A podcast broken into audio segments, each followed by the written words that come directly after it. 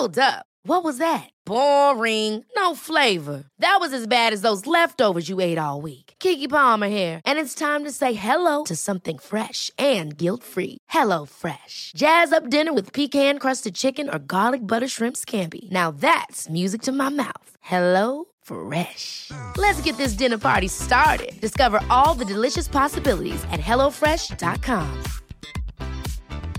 Hey, it's Ryan Reynolds, and I'm here with Keith, co star of my upcoming film, If, only in theaters, May 17th. Do you want to tell people the big news?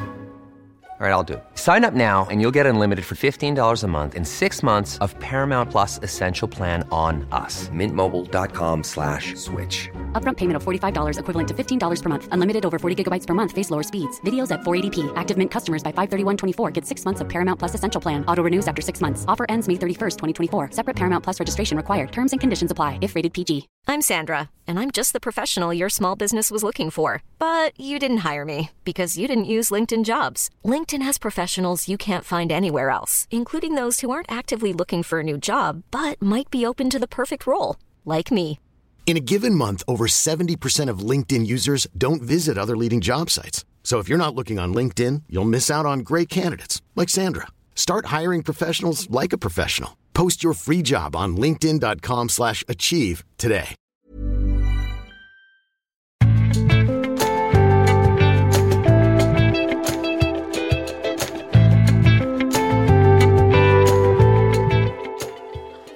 Hei, alle sammen. Velkommen til den siste samtalen på Kirkeskipet denne Arendalsuka. Det regner fortsatt, så vi trykker oss sammen under presenninger og gjør så godt vi kan. Den neste tre kvarterene så skal vi få med oss et av høydepunktene her på Kirkeskipet denne uka. Podkasten Tore og Tarjei live fra dagen spilles inn her. Og jeg gir ordet til Tore og Tarjei. Vær så god. Takk for det. Jeg er altså Tore Hjalmar Sævik, og eh, til høyre for meg her sitter Tarjei Gilje. Og eh, det er faktisk ikke første gang vi tar opp podkast på en båt. Vi har tatt det en gang på en ferge på Vestlandet. Det er heller ikke første gang vi tar opp podkast med publikum, men det er første gang vi tar opp podkast på båt med publikum. Og det er jo eh, hyggelig å kunne ha verdenspremiere for det fenomenet. Eh, veldig kjekt å bli invitert til å være med her, og også veldig kjekt å ha med oss eh, rektor Ingunn Folkestad Breistein på Ansgar høgskole og bibelskole, og preses Olav Fykse Tveit i bispemøtet. Og eh, Vi har rett og slett tenkt at eh, dette kan være en god anledning til å snakke om forholdet mellom folkekirke og frikirke. Vi lever i et land der eh, folkekirka lenge var veldig selvsagt. Det å være nordmann og det å være evangelisk-luthersk det var to sider av samme sak. Og I løpet av eh, min levetid så har andelen eh, nordmenn som er medlem i Den norske kirke eh, gått ganske mye ned. Fra eh, rundt 90 til i dag knapt 70% Og Samtidig så eh, har vi et frikirkelandskap som ikke minst her på Sørlandet har sterke røtter og er prega landsdelen. Og så er det interessant å reflektere litt rundt forholdet mellom folkekirke og frikirke, og også litt eh, historie og litt framtid. Det er utgangspunktet, da. Og vi tenkte egentlig å starte med et litt personlig spørsmål. Eh, Ingunn, har du noen gang tenkt at kanskje skulle heller vært medlem i folkekirka? Jeg har nok vært det, for jeg var døpt i Den norske kirke som barn. Eh, og, men meldte meg inn i misjons... Eh, det som nå heter Misjonskirken Norge, som var Misjonsforbundet, eh, når jeg var 15 år, tror jeg. Så jeg har en bakgrunn der min familie og eh, mange rundt meg gikk litt her og litt der. Så eh, ja. Jeg kunne nok vært medlem i folkekirken, men ikke i statskirken. Ja. Eh, og du, Olav. Har du noen gang tenkt at det har vært noen fordeler med å være med i et frikirkesamfunn? Det har vi jo skjønt. de, de, de, men uh, jeg har ikke tenkt at uh, fordelene var sånn at jeg skulle melde meg ut av kirka jeg var i. Men fordelene er for, for eksempel, Jeg har jo opplevd det spennende og også utfordrende å gå på møter i andre kirkesamfunn. Ikke minst som tenåring. Hvordan tenker dere at forholdet mellom folkekirka og frikirken har utvikla seg i løpet av altså Dere er jo sånn omtrent på samme alder, og eh, fullførte faktisk doktorgrad på MF nesten helt samtidig, lærte jeg nå i dag. Eh, men, men hvordan eh, tenker dere vi skal se litt de store linjene, da forholdet mellom folkekirka og frikirken har utvikla seg i dere, løpet av deres tid som ja, teologistudenter og senere ledere i, i, i, skole og kirke? Ja, jeg kan jo begynne å hive meg på. Eh, altså, det har jo vært veldig store endringer. Det viktigste var jo overgangen fra at Den norske kirke eh, tidligere var statskirke og statsreligion, og ble eh, en eh, folkekirke og Den norske kirke, og at Grunnloven ble endra sånn at eh, også frikirkene og andre eh, trossamfunn er nevnt i Grunnloven. Det er jo en utrolig viktig paragraf for særlig de andre, da. Så det er jo den største endringen. Og det skjedde jo gradvis fra 2008, kirkeforliket og utover.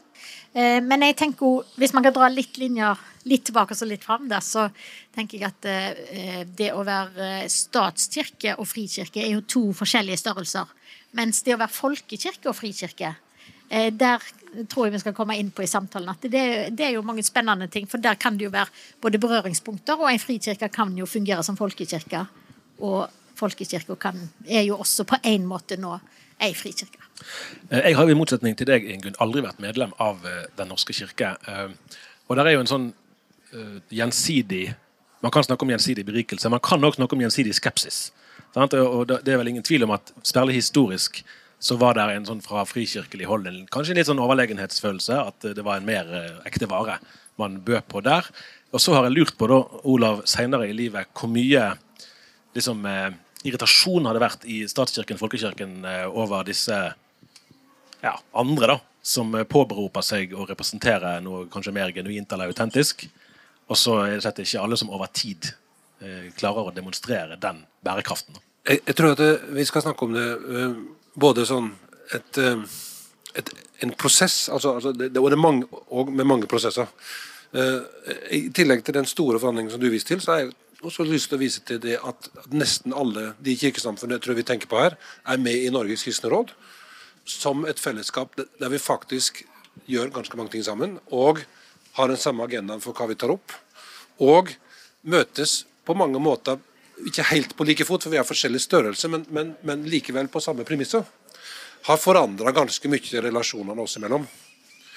Uh, og ikke bare sånn på det formelle plan, men på det reelle plan. Altså hvordan vi møtes, hvordan vi snakker sammen, hvordan vi oppfatter hverandre og hvordan vi forholder oss til hverandre. Og Det tror jeg har vel så mye kanskje å si for eh, at denne skepsisen som sånn grunnholdning har blitt til en mer sånn Ja, men vi, vi har jo et samme oppdrag, og det er mye det samme vi vil, som en grunnholdning.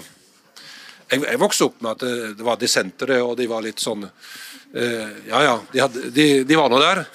og, og, av og til var det litt sånn, litt sånn plagsomt, for de mente at det var de som hadde skjønt det, egentlig.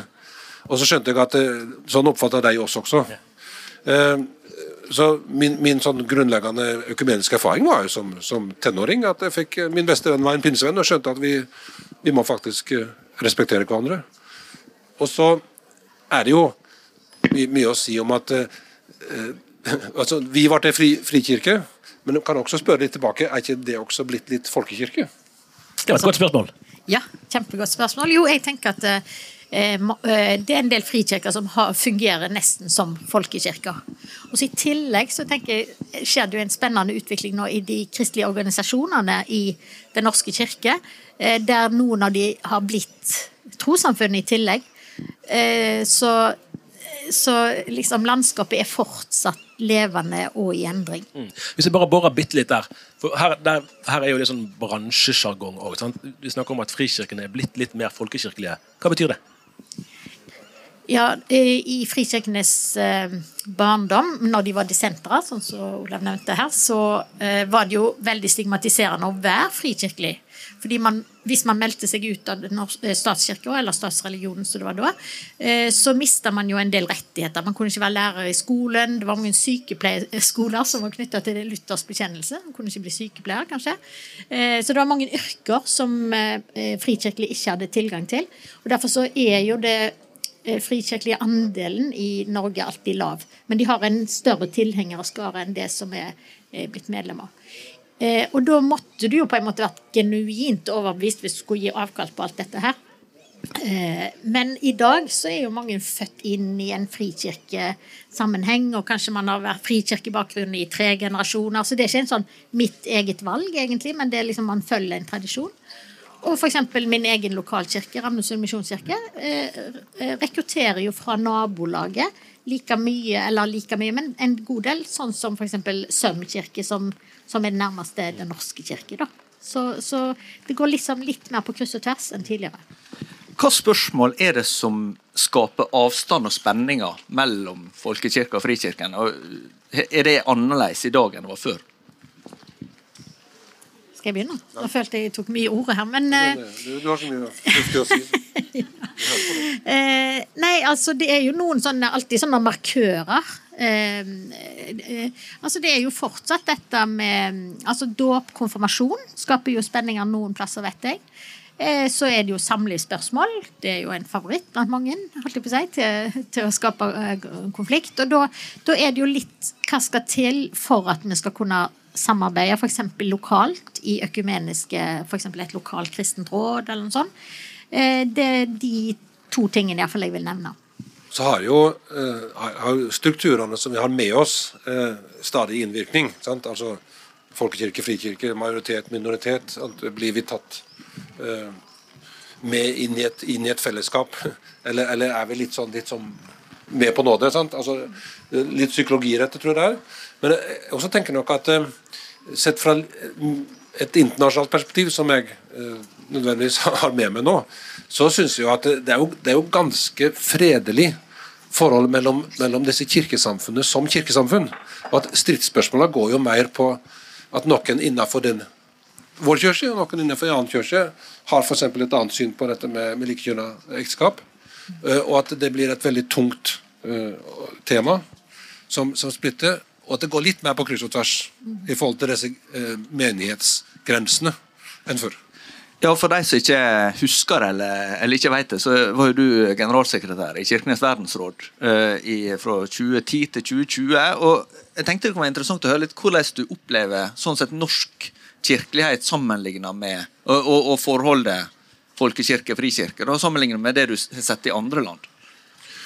Det er jo prega av denne historien med at, at Den norske kirka var ei statskirke og ei folkekirke, og finansiert på en annen måte. og hadde en annen eh, og fortsatt er det òg. Men altså, altså, det, er mye strukturene da, som er eh, spesifikt norske. og du har, du har, litt sånt i Sverige og Danmark, men ellers er det veldig annerledes i andre deler av verden.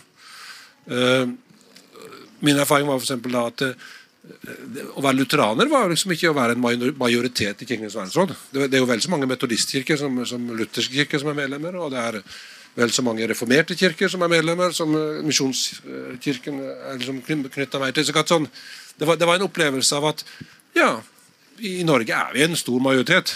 Eh, og, det, og det er i de nordiske landene at lutheranere er det, men ellers i verden er vi jo ikke det. og det var en ganske nyttig erfaring. Vi skal eh, vende blikket mot neste bolk, som er litt mer eh, historisk. og da lurer jeg på om jeg skal begynne med en litt sånn artig observasjon fra nå i sommer. Jeg prøver å lese litt i Kristelig Dagblad, altså den danske eh, avisen.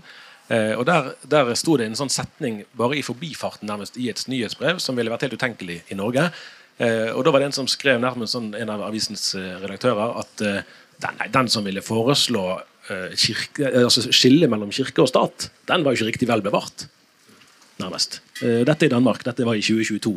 Helt annerledes enn enn i Norge. Og da lurer jeg på, Olav, Hvilket forhold har du til uh, embetsmannskirken som vi hadde på den tiden der frikirkene oppsto? Min oldefar var lekepredikant. Min far var prest i Norsk kirke.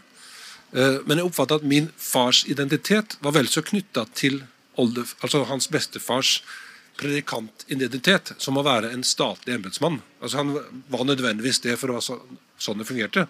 Mens hans eh, forkynnelse, hans tro, hans etos, altså hva det var å være prest, det var å være, å være prest og forkynne, og, og at folk må få del i evangeliet, og, og at folk møter kirka på en måte som gjør at de føler seg vel og, og inkludert og tatt vare på. Altså, Så, så, så, sånn sett har jeg, jeg har ikke liksom så veldig sånn følelse med den der statsembetsmannssystemet. Eh, av den personlige erfaringen. Jeg var jo også utnevnt av kongen da jeg var prest. Jeg tror nesten er noen av de siste.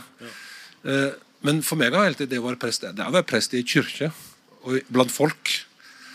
Eh, og kanskje, må jeg si som prestesønn, å være stigmatisert. Altså, eh, det, var, det var ikke ålreit å være prestesønn i Bygde-Norge. Det er jo også et, et, et spørsmål om, om, konkurranse her mellom frikirke og folkekirke. Særlig sånn som du nevner du kommer på bygda. Fordi, fordi at du du vil kanskje ha et begrensa tilfang av mennesker. Jeg tenkte skulle ta en annen observasjon fra Danmark. Da. Det var en som sa at definisjonen på en paranoid danske det er en som sitter i ei kirke, og så føler han det sitter noen bak han.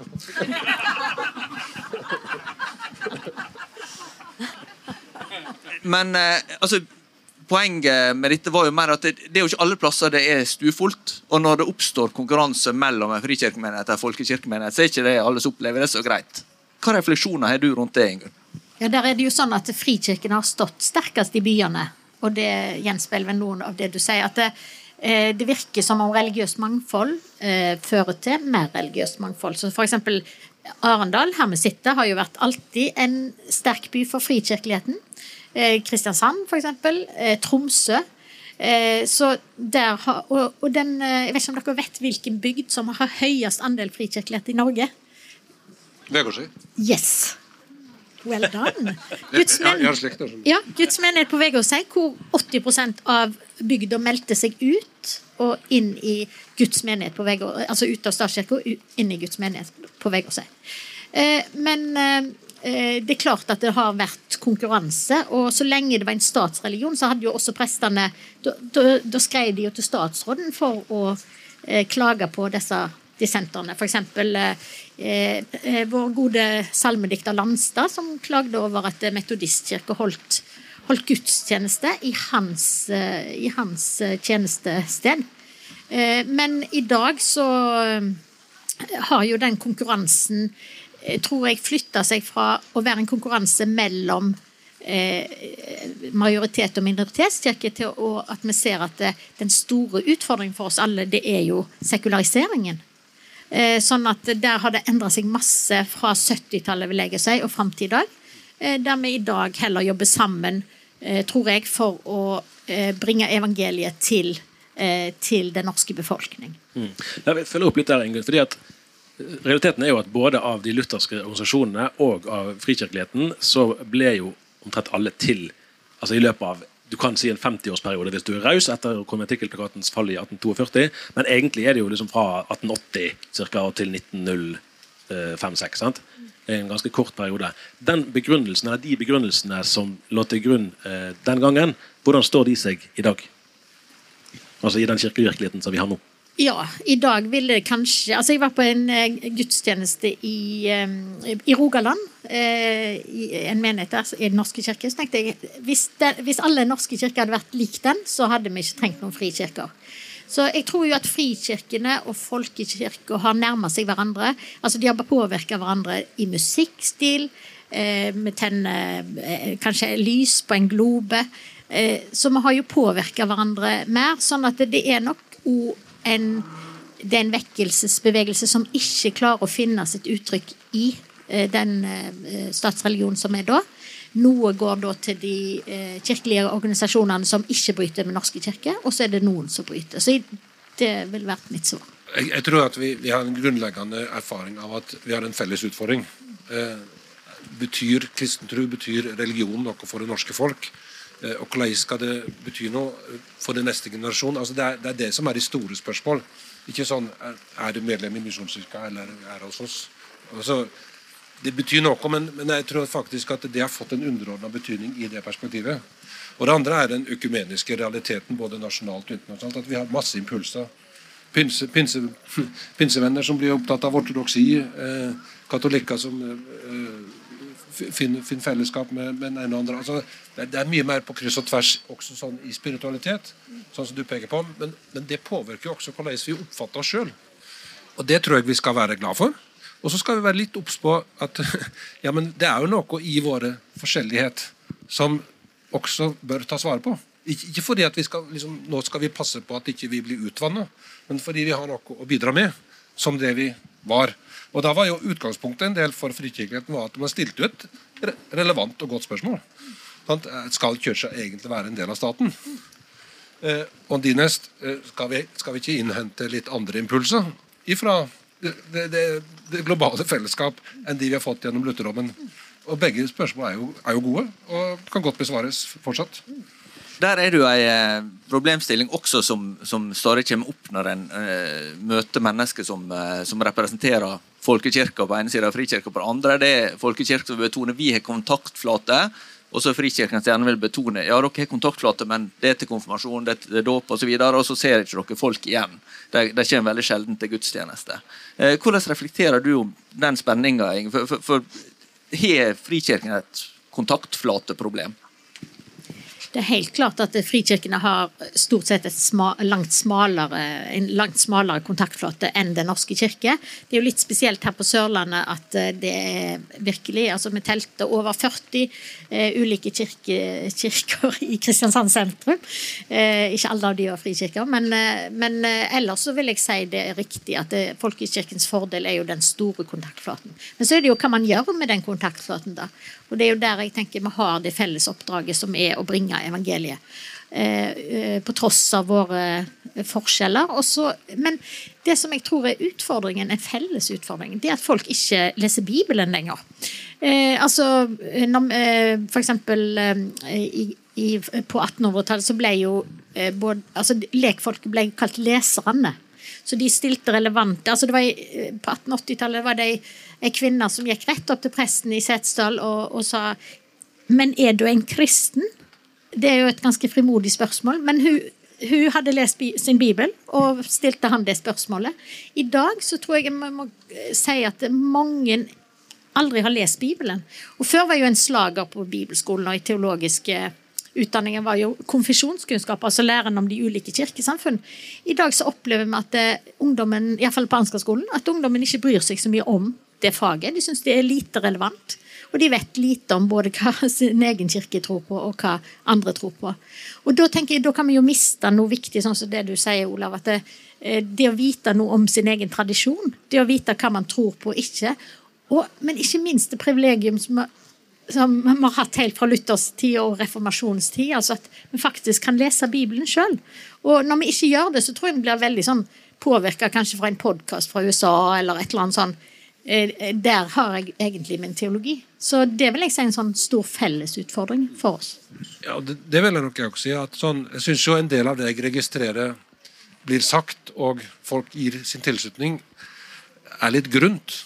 Altså sånn, både, i forhold til bibelforståelse, i forhold til teologisk refleksjon, i forhold til spiritualitet. altså man, man lar seg litt drive hit og dit av ulike lærdomsvær. Altså, det er en utfordring for oss alle, tror jeg. Uh, og da, da må vi jo ta tak i det sammen. da. Altså, sånn, det, er jo, det, er jo derfor vi prøver å, å, å drive disse felles økumeniske tiltakene også. Det er ikke å, bare for å vise at de er gode venner, men det er jo faktisk fordi vi har en oppgave som vi skal løse sammen. En av de viktigste utfordringene er jo altså Vi har jo mista den kristendomsundervisningen som var i skolen.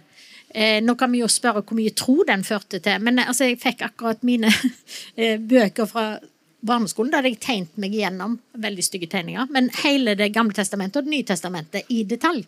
Men våre barn og barnebarn de kjenner jo ikke det fra skolen.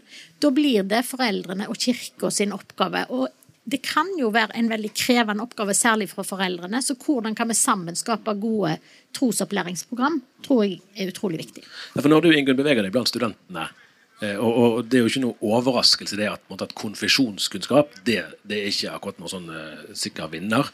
Men hva for noen spørsmål er det som opptar studentene? Hva er det som interesserer dem av? Altså, hva er det som, som er skillelinjer, som betyr mest? Eh, Ja, Hvis jeg skal ta det som det betyr mest, så tror jeg det er eh, kul sang og musikk, eller sang og musikk som de kjenner seg igjen i. Eh, De kan veldig få salmer, eh, og de kan mange altså, Jeg tror jo eh, mange kirker, nyere kirker, har liksom De har jo ønska å tilpasse sin sin gudstjenesteuttrykk til til dagens samfunn. Og jeg tror det med sang og musikk er noe av det viktigste for å nå ungdommen. Så er det fellesskap. Det tror jeg er det de søker. Eh, og så er det jo selvfølgelig å komme med et sunt budskap inn i det, da. Det, dette blir jo kanskje litt spekulativt, men er det fordi at de er trøtte av forrige generasjoners krangling? For her, Da er det ikke så mange teologiske altså, Det var en grunn for at Metodistkirken oppsto, Baptistkirken oppsto og Misjonskirken oppsto osv. Ja. Eh, Det var vel Ivar Aasen som sa på ei tid som tror for mye, må det komme ei tid som tror for lite. Det er jo bare som illustrasjon til at eh, kanskje ei tid med gründerne som legger vekt på læren og hva som er forskjellig, og, og, og så videre. Så kommer det neste generasjon som legger kanskje akkurat nå da, vekt på relasjoner og, og, og på det kule og det de kan føle seg hjemme i. Men jeg tror det er den grunnleggende hele tida. Man må føle seg hjemme før man kan nå, nå noen med budskapet. Jeg eh, intervjuet en gang eh, Jan Otto Johansen, eh, NRK sin mangeårige korrespondent både i Russland og USA og Berlin, om hans bakgrunn i en sånn pinseluthersk familie i Porsgrunn, var det vel.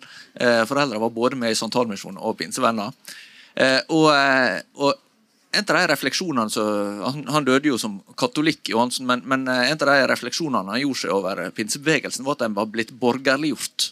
Sammenlignet med det han opplevde i sin, sin oppvekst. At en hadde mer kontakt med vanlige folk. Og så tenkte jeg også på det nå jeg snakka med en, en eh, amerikansk forsker om det at eh, en langt større andel av amerikanerne nå ikke identifiserer seg med et eh, kirkesamfunn. At det nå er nesten 30% som sier at de tilhører ikke noen bestemt religion. Og, og da sier han det er lett å tenke at det er først og fremst fordi folk tar mer utdanning og liksom eh, eh, blir eh, mer liberale og, og eh, når et høyere samfunnslag. Men så er de fleste det er mennesker som er tapere i, i, altså, i sosiologisk forstand. Eh, kommer ut av arbeidslivet og ikke eh, opplever at livet går bra, rett og slett. Og kirka blir nesten sånn bekreftelse på deres nederlag. Eh, hvordan tenker du om den utfordringa? Altså, eh, er, er frikirkene borgerliggjorte? Ja, det vil jeg absolutt si. Det er jo bare å gå utenfor ei frikirke og se eh, bilparken. Eh, eller kristens Det burde vi gjøre oftere, faktisk. Å Se historiske bilder på bilparken. Ja, Men det er helt klart at i begynnelsen så var jo frikirken de var arbeiderklasse. Og, og det at de har følt seg mer godtatt i samfunnet, henger jo også sammen. De var mer godtatt også som, kom som en del av borgerskapet enn når de var uh, arbeidere. Og det er jo egentlig en tragisk utvikling, for eh, liksom England på 1700-1800-tallet mista jo den anglikanske kirke de, eh, altså mye, mye av kontakten nettopp med arbeid, arbeiderklassen. Og så oppsto f.eks. metodismen, som gikk ut i gaten og forkynte istedenfor at de forventet at folk skulle komme inn i kirkene. Så jeg tenker det er en stor utfordring som gjelder egentlig både Frikirken og Den norske kirke i dag. det er at det, favner veldig fort borgerskapet eller de borgerlige bedrestilte. Og så syns vi kanskje det er litt stas i frikirkene. Kanskje, der kan du forsvare for norske kirke, men litt å tenke at den kommer på vår gudstjeneste. Og vi har en kjendis. Og tenk på den, og en fotballspiller. og eh, ja, altså Vi blir liksom litt begeistra for det, da, istedenfor at vi ser mennesker med, med Guds øyne. Men der Olav, fikk jeg en overraskelse. bare følge opp, eh, og Det tror jeg var tidligere i år. så skrev vi, og Det var jo da det segmentet som har verv da, i Den norske kirke. eh, At Der var jo utdanningsnivået temmelig høyt. Så dette bildet er ikke nødvendigvis så veldig forskjellig i folkekirken når det gjelder de som da Nei. er aktive. Nei da. Og, det, og der tror jeg eh, altså de, de, de som går hjem, jevnlig til gudstjeneste, så tror jeg vil finne mye av det samme mønsteret. Men så har jeg nok lyst til å si at uh, min erfaring, og det jeg nå ser og hører fra mange prestekolleger, og diakoner, og kateketer underviser, at de er veldig tett på hvordan veldig mange hva skal jeg si, alminnelige nordmenn, og også de som er med, ikke så ressurssterke, faktisk har det. Altså, det, er, det er fortsatt et stort pre for folkekirka. At at den virkelig har kontakt med en veldig stor bredde, sosiologisk sett også. Men, og at den opplever kanskje at der, der får det å være kirke en annen mening. Altså Den diakonale dimensjonen ved å være kirke vise at man faktisk inkluderer, faktisk bryr seg om innvandrere og andre, som mange andre gjør. Men altså, altså, der ser jeg en ny mulighet for Den norske kirke til til å virkelig være kirke for alle. Og det, det er ikke liksom for å skryte av det, men jeg tenker at det er kanskje eh, vårt kall. Og, og der skal vi også lære av andre hvordan vi kan gjøre noe med det. Men den andre sida av det går på Ja, det er, veldig, det er veldig bra med disse kule melodiene og alt dette her. Sånn. Men jeg, jeg syns jo, for å si det, da, at altså, vi, vi, må gi folk noe som har litt mer substans. Altså, for å si det sånn, Sven Ellingsens salmer bør bli folkeeie. Amen. For, for, for, for, å få innsikt i hva det er å være menneske, og være et menneske som brytes med troens spørsmål. Og ikke bare klisjeer. Ja, her bekrefter jo du din frikirkelige tilknytning.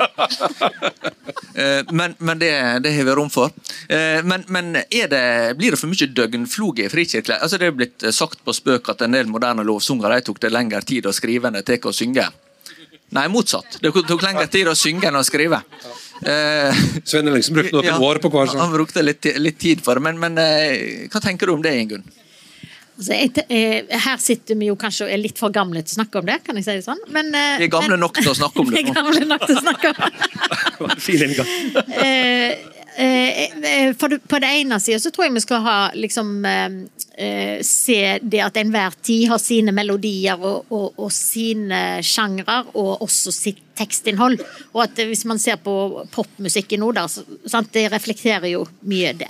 Eh, men på den andre siden er jeg jo helt enig med dere. og at Det, eh, det er jo noen som sier at liksom, eh, altså, det er vel sånn synge evangeliet om Jesus for sjeler kan vinnes ved sang. Bare sjeler, ja. Men at, at hvis vi ikke kan synge evangeliet inn sammen, så mister vi jo veldig mye av det som er tro, og så får en sånn inderlighet over seg. fordi at En ting er det du leser, du hører en preken, men det du synger, det får et veldig, veldig personlig uttrykk. Så jeg, ja takk, begge deler, vil jeg si, da. Ja, her er vi helt på hjemmebane. Ok. Ja, men da, trenger ikke å ta noen replikk, noen replikk på den. Eh, det er jo en felles utfordring for frikirka og eh, frikirkene og folkekirka, og det er jo rett og slett hvem skal lede disse menighetene? Eh, for eh, det er stort sett eh, ikke kø på søkerlistene. Hva, hvorfor er det sånn, og hva bør gjøres med det? Skal jeg begynne nå? Uh, det, det, er, det, det, er, mange stillinger ledig i norsk kirke. Uh, og det, det, finnes en del forklaringer på det. Det var veldig mange som uh, tok utdanning på 70-tallet, og som blir pensjonister nå, så det er litt sånn voldsomt mange som skal slutte samtidig. Det andre er jo at uh, det, er ikke bare vi. lærerstanden, syk, sykepleiere altså, altså det, det, er en underskudd på kvalifisert personell nesten i hele Distrikts-Norge. Og til dels i byene òg. Vi, vi, er jo en del av, av, av, et samfunn som har faktisk ikke mer arbeidskraft, eller litt for lite arbeidskraft i forhold til hva vi egentlig har bruk for. Men det tredje er jo spørsmålet sant, hvem, hvem, ser dette som sin oppgave og sitt kall. Og Der eh, prøver vi å jobbe med det både, både i praksis eh, og i forhold til altså sånn, og passe på at vi legger til rette for at folk kan få denne utdanninga, selv om de for har gått en annen yrkesvei før. Eh, det er ikke for å si at nå er det ikke så viktig hvor mye utdanning man men vi har, vi har bruk for alle. Vi har også bruk for de som går inn i dette som sitt andre yrkesvalg og yrkesliv. Og så må vi rett og slett bare erkjenne at uh, dette vil være en utfordring framover lenge. Og vi må ha stort fokus på det. Og også gi mennesker frimodighet til å tenke at det er en oppgave for meg. Og ikke tenke at det er en sånn, det er bare en oppgave for for alle de andre som har veldig spesielle evner, eller spesielle åndelige evner, eller hva vi måtte kalle det. Litt alminneliggjøring av det. Og det siste det er at vi må ha et godt samarbeid med utdanningsinstitusjonene. Eh, som du representerer, og som mange andre representerer. Og det, det var veldig eh, oppmuntrende, syns jeg, at når vi fikk en sånn erfaringsbasert master nå, så var det flere søkere på det enn det de kunne ta inn på MF. Og Det synes jeg viser at det er en del, Når de kommer litt lenger i livet, så ser de at dette faktisk er en stor og fin oppgave i livet. Så jeg er ikke så pessimistisk som man kanskje har vært en stund, og som kanskje du eh, har i ditt spørsmål. Eh, og så tenker jeg at ja, dette er jo en felles utfordring. Eh, la oss arbeide sammen om dette også. Ja, og der kun trodde jeg hadde bestilt dette spørsmålet, men jeg har ikke det, altså. Men det vi ser f.eks. på bibelskolen, det er at ungdommer er åpne for at noen så ser de og spør de hva, tro, hva vil du med livet ditt? Tror du Gud har en plan for livet ditt? Så jeg tror vi må være rett og slett mye mer frimodig. Så mange av de vi rekrutterer til, til teologisk utdanning på Ansgarskolen, eh, på høyskolen, den, de kommer fra bibelskolen, der de har virkelig fått hvert et år og jobba med seg sjøl og med Bibelen og troen, og, og blir utfordra av noen. Og jeg tror det, er, det er en viktig nøkkel. Og så er det jo det noe med statusen til pastorer og prester Eh, eh, på 1800-tallet og en stund framover så var jo det veldig stas å være prest. Du var embetsmann, du hadde mye høyere stilling i samfunnet, i likhet med noen andre grupper. Det har du ikke lenger. Men min erfaring òg kanskje at til og med kristne foreldre syns ikke det er så stas nødvendigvis at eh, sønn eller datter studerer teologi. De vil heller at de skal ha mer fancy og, og høy, høyere betalte yrker. Så liksom det i kristne kretser òg, å tenke at ja, vi trenger noen som er hyrder for menigheten. Eh, og så tror jeg vi har mye å hente, sånn som du nevner, i det tverrkirkelige samarbeidet her. En ser jo da at eh, Misjonsforbundet eller pinsebevegelsen eller eh, baptistene har prester og pastorer som er utdanna delvis fra MF, delvis Altså, de, de, de skifter litt. Og vi f.eks. på Ansgar utdanner jo mange som blir prester i Den norske kirke. Så det er ikke så konfesjonsbundet der heller lenger, og det, det tror jeg er bra. Så at vi kan legge til rette på best mulig måte. Hvis vi skal se litt framover, basert på eh, en del av de, de, trendene som vi har sett, altså da tenker jeg ikke å, å driste seg til noen sånn eh, profetier eller spekulasjoner, men, men litt sånn eh, å, å, å, se, tenke strategisk, da. Eh, hva utfordringer tror dere vil være særlig viktige for eh, både folkekirke og frikirke i eh, tiåra framover? Jeg vil tenke at det er å finne sin plass i det livssynsåpne samfunn. Eh, at ikke religion bare blir noe privat som du har hjemme. At det blir flaut å si at du, har, eh, at du er en kristen. Eh, eller har en annen tro. Altså at vi, vi tar, tar et rom i det sivile samfunn. Og Der har det jo for vært mye diskusjon om kan NRK sende gudstjenester. Ja, det tenker jeg. NRK er en del av det sivile samfunn, selv om det er statsfinansiert. Så noen ganger så legg, altså, vi må ikke legge bånd på oss som ikke trenger å være der. Eh, så det vil jeg tenke er den viktigste utfordringen. Og, eh, at, og, der tror jeg vi kan dra den fordelen av de gode økumeniske relasjonene vi har i Norge. At det, det er ikke viktig eh, hvor mennesker går i kirka, men at de går i ei kirke. Det spørsmålet det, stiller jeg meg jo hver dag. Men jeg har tenkt på to ting som jeg har lyst til å nevne her. Og Det ene er at jeg syns det er forlengelsen av det du sier. Jeg synes at, at, at, Vi må passe på at ikke religion blir bare noe veldig inderlig og veldig privat. For religion handler om vår måte å omgås hverandre på. og Våre, altså våre, våre standarder, våre moralske standarder. Men det handler også om, om kultur, om kunst, om, om, om, hvordan vi er sammen i et, i et lokalsamfunn og i et, i et, større samfunn. Og hva vi bidrar med der. Og da, da, da, kan vi ikke gjøre dette til noe som jeg har helt bare privat og helt personlig. Uh, og da må man på en måte også alminneliggjøre det litt mer. Og Der tror jeg vi er inne i en sånn uh, fase, både folkekirkeligheten og, frikirkeligheten, at vi ser at vi må være en del av det folkelige. Uh, for, for, for der, der, glipper det. Og Det andre det er at uh, for å sette litt på spissen, så har Human-Etisk Forbund klart å profitere på en del av norsk pietisme til å gjøre at hvis ikke du er kjempeoverbevist, så kan du bare glemme å bli tatt seriøst som troende. Og derfor så De fleste som skal uttale seg om tro- og livssynsspørsmål i Norge i dag, for å bli tatt alvorlig, så må du si at du ikke tror. Altså, altså det er blitt sånn ja, men skal vi, må, må, må vi liksom etablere religion hver en av oss på egne premisser for at den skal være en religion? Altså Det er en ekstrem individualisering av det. Og Det er en kjempeutfordring å se ja, men vi er jo del av et fellesskap. Det er, det er ikke jeg som finner opp Gud og, og hvem Jesus er. og at, at det tør å gå inn i det og ikke stille den type krav til hverandre. Eh, verken fra Humanitisk Forbund eller andre, om hva det er egentlig vi, vi har her. Og Det, det, det, det, altså, det syns jeg er mer framtredende i Norge enn i mange andre samfunn som jeg har sett. Uh, og Det er en kjempeutfordring, syns jeg. Altså Religion er mer enn det som jeg klarer å få meg til å tro på. Og hvis jeg kan hive meg på med én ting, så, så, tror jeg det er utrolig viktig at vi ikke bruker all vår tid og energi på perifere ting. Altså, Elsk Gud og de neste som deg sjøl. Jeg tror Hvis kristne klarer å være relevante i samfunnet, hvis de klarer å tjene samfunnet, gjøre diakonalt arbeid, så tror jeg at eh, vi vil være eh, Da utfører vi vårt oppdrag. Men ofte bruker vi all vår tid på, eller mye av vår tid på det som er mer perifert, og det er sånn verden rundt oss ser på oss.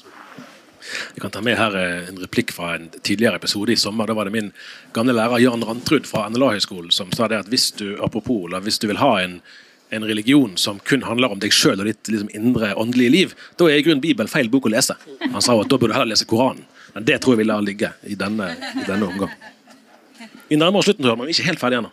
Nei. Eh, jeg tenker også litt på det året som vi, tiåret som vi er inne i nå, som eh, er mye eh, retta mot eh, feiringa av eh, tusen år siden kristendommen kom til Norge, sånn for alvor. Det er jo, eh, Som professor i kirkehistorie så vet jo eh, du Egun, mye om, om, dette, her, men vi, vi holder oss til de store linjene. og hva forventninger har dere til de markeringene? Hva, hva de skal bety? Det har vært en del diskusjon i år om hva, hva, er det vi egentlig skal feire, og hvordan skal vi feire det? Altså, Jeg tror egentlig for Frikirken så er det litt sånn avventende. For det er ikke sikkert vi identifiserer oss så sterkt eh, med, eh, med Olav den hellige som kanskje øh, Den norske kirke og katolske kirke. Men jeg tror det å, altså, det å feire at kristendommen kom til Norge, at den endra lovene altså Det spørs litt hvordan den feiringen blir, tror jeg, om den blir inkluderende eller ekskluderende. Og Det tror jeg det er viktig å jobbe med. Men jeg tror at eh, hele altså det kristne og, og, humanistiske, håper jeg, Norge kan glede seg over eh, og, og, være med å feire de, eh, de endringene i lover, påvirkning, påvirkning på samfunnet, hvis det gjøres på en inkluderende og ikke ekskluderende måte. Det er jo viktig å feire 2030, men det er også viktig å, å å arbeide med dette i et tiårperspektiv, som du sier. Eh, F.eks. Eh, i 2024 så er det jo 1000 år siden kristenretten ble satt på Moster. Og kanskje Det var et vel så viktig bidrag for Olav Haraldsson til kristningsprosessen, i hvert fall mens han levde, som noe annet. Og at, man fikk en felles norm som ikke satte makta øverst, men retten øverst. Og ga det enkelte mennesket et verd og, og en beskyttelse som de ikke hadde hatt. Altså, det, det, er noe her som, som, vi må få fram i disse prosessene og disse markeringene nå framover, som handler mer enn bare eh, Syns vi han var en bra kar? Eh, kan, han, kan, vi kalle han en helgen? Altså, det, det er et litt perifert spørsmål, egentlig. Men det store spørsmålet er hva betyr den realiteten som, som ble en realitet, at, at kristendommen og kirkene fikk den plassen i den norske historien, det norske samfunnet. Og hva gjør vi ut av det i dag, som en del av et livssynsmangfoldig samfunn? Altså, hva, bidrar vi med der, slik at dette samfunnet er et godt samfunn for alle å leve i? Uh, og Der har vi samme oppgave, tror jeg. Uh, og Da må vi både vedkjenne oss den arven og vedkjenne oss historien, på godt og vondt, men også stille oss både kritiske spørsmål og også sånn litt utfordrende spørsmål. Men kan vi klare å gi så mye til det norske samfunnet som historien viser at vi har gjort? Altså Klarer vi det også i vår tid? Hvis du, det, det, skal vi ikke ta lett på. Nei, nei, nei. Hvis du Olav, skulle kunne komme med et, eh, et ønske da, til frikirkeligheten, hva ville du sagt da? Inn mot uh, i det historiske perspektivet som vi snakker om her. Du sa noe om det. Jeg har nok et ønske uh, som, som, går litt inn på forskjellige temaer. og det er at Hvis vi kan erkjenne at det er i grunnen den samme virkeligheten vi, vi, vi, må brytes med alle sammen, altså enten det er skilsmisse, gjengifte, eller, eller det har vært ekte, samkjønnet ekteskap, eller det er eh, etiske utfordringer, eller det er spiritualitet, eller det er misjon eller evangelisering. Altså en erkjennelse at Det er de samme utfordringene vi står overfor. og Derfor så må vi både stå sammen, men også bruk for litt forskjellige bidrag. Og da skal vi være oss sjøl, men vi skal også være en del av et større fellesskap. Mm. Motsatt spørsmål til deg, da? Ja, jeg hørte Berit Hagen òg her på Kirkeskipet i går, og jeg syns hun sa det veldig fint på Den norske kirkes vegne. altså at, eh, at, hun tenkte Den norske kirke eh, kan være en sånn drahjelp også for mindre kirkesamfunn og mindre trossamfunn, eh, i, i, og med størrelsen. Så jeg tenker det flotte arbeidet, fellesarbeidet som gjøres gjennom bl.a. Norges kristne råd, det vil jo være altså det at vi ser mer på det som er felles, enn det som skiller. Eh, og jeg er jo ellers enig med deg at eh, vi har jo eh, felles både utfordringer og gleder. Og det, at vi først og fremst ser oss som kristne, det, det er mitt ønske. Tusen takk til dere to som var med. Takk til dere som kom, og til dere som hørte oss, enten det var på Facebook Live eller på podkasten. Den er det bare å fortsette å følge videre hvis du er interessert. Eh, Vi kommer med nye episoder også neste uke. Så får vi takke Kirkerådet eller Vår Herre for eh, regnværet som gjorde at vi følte oss så hjemme her om bord. Det var godt for fire vestlendinger.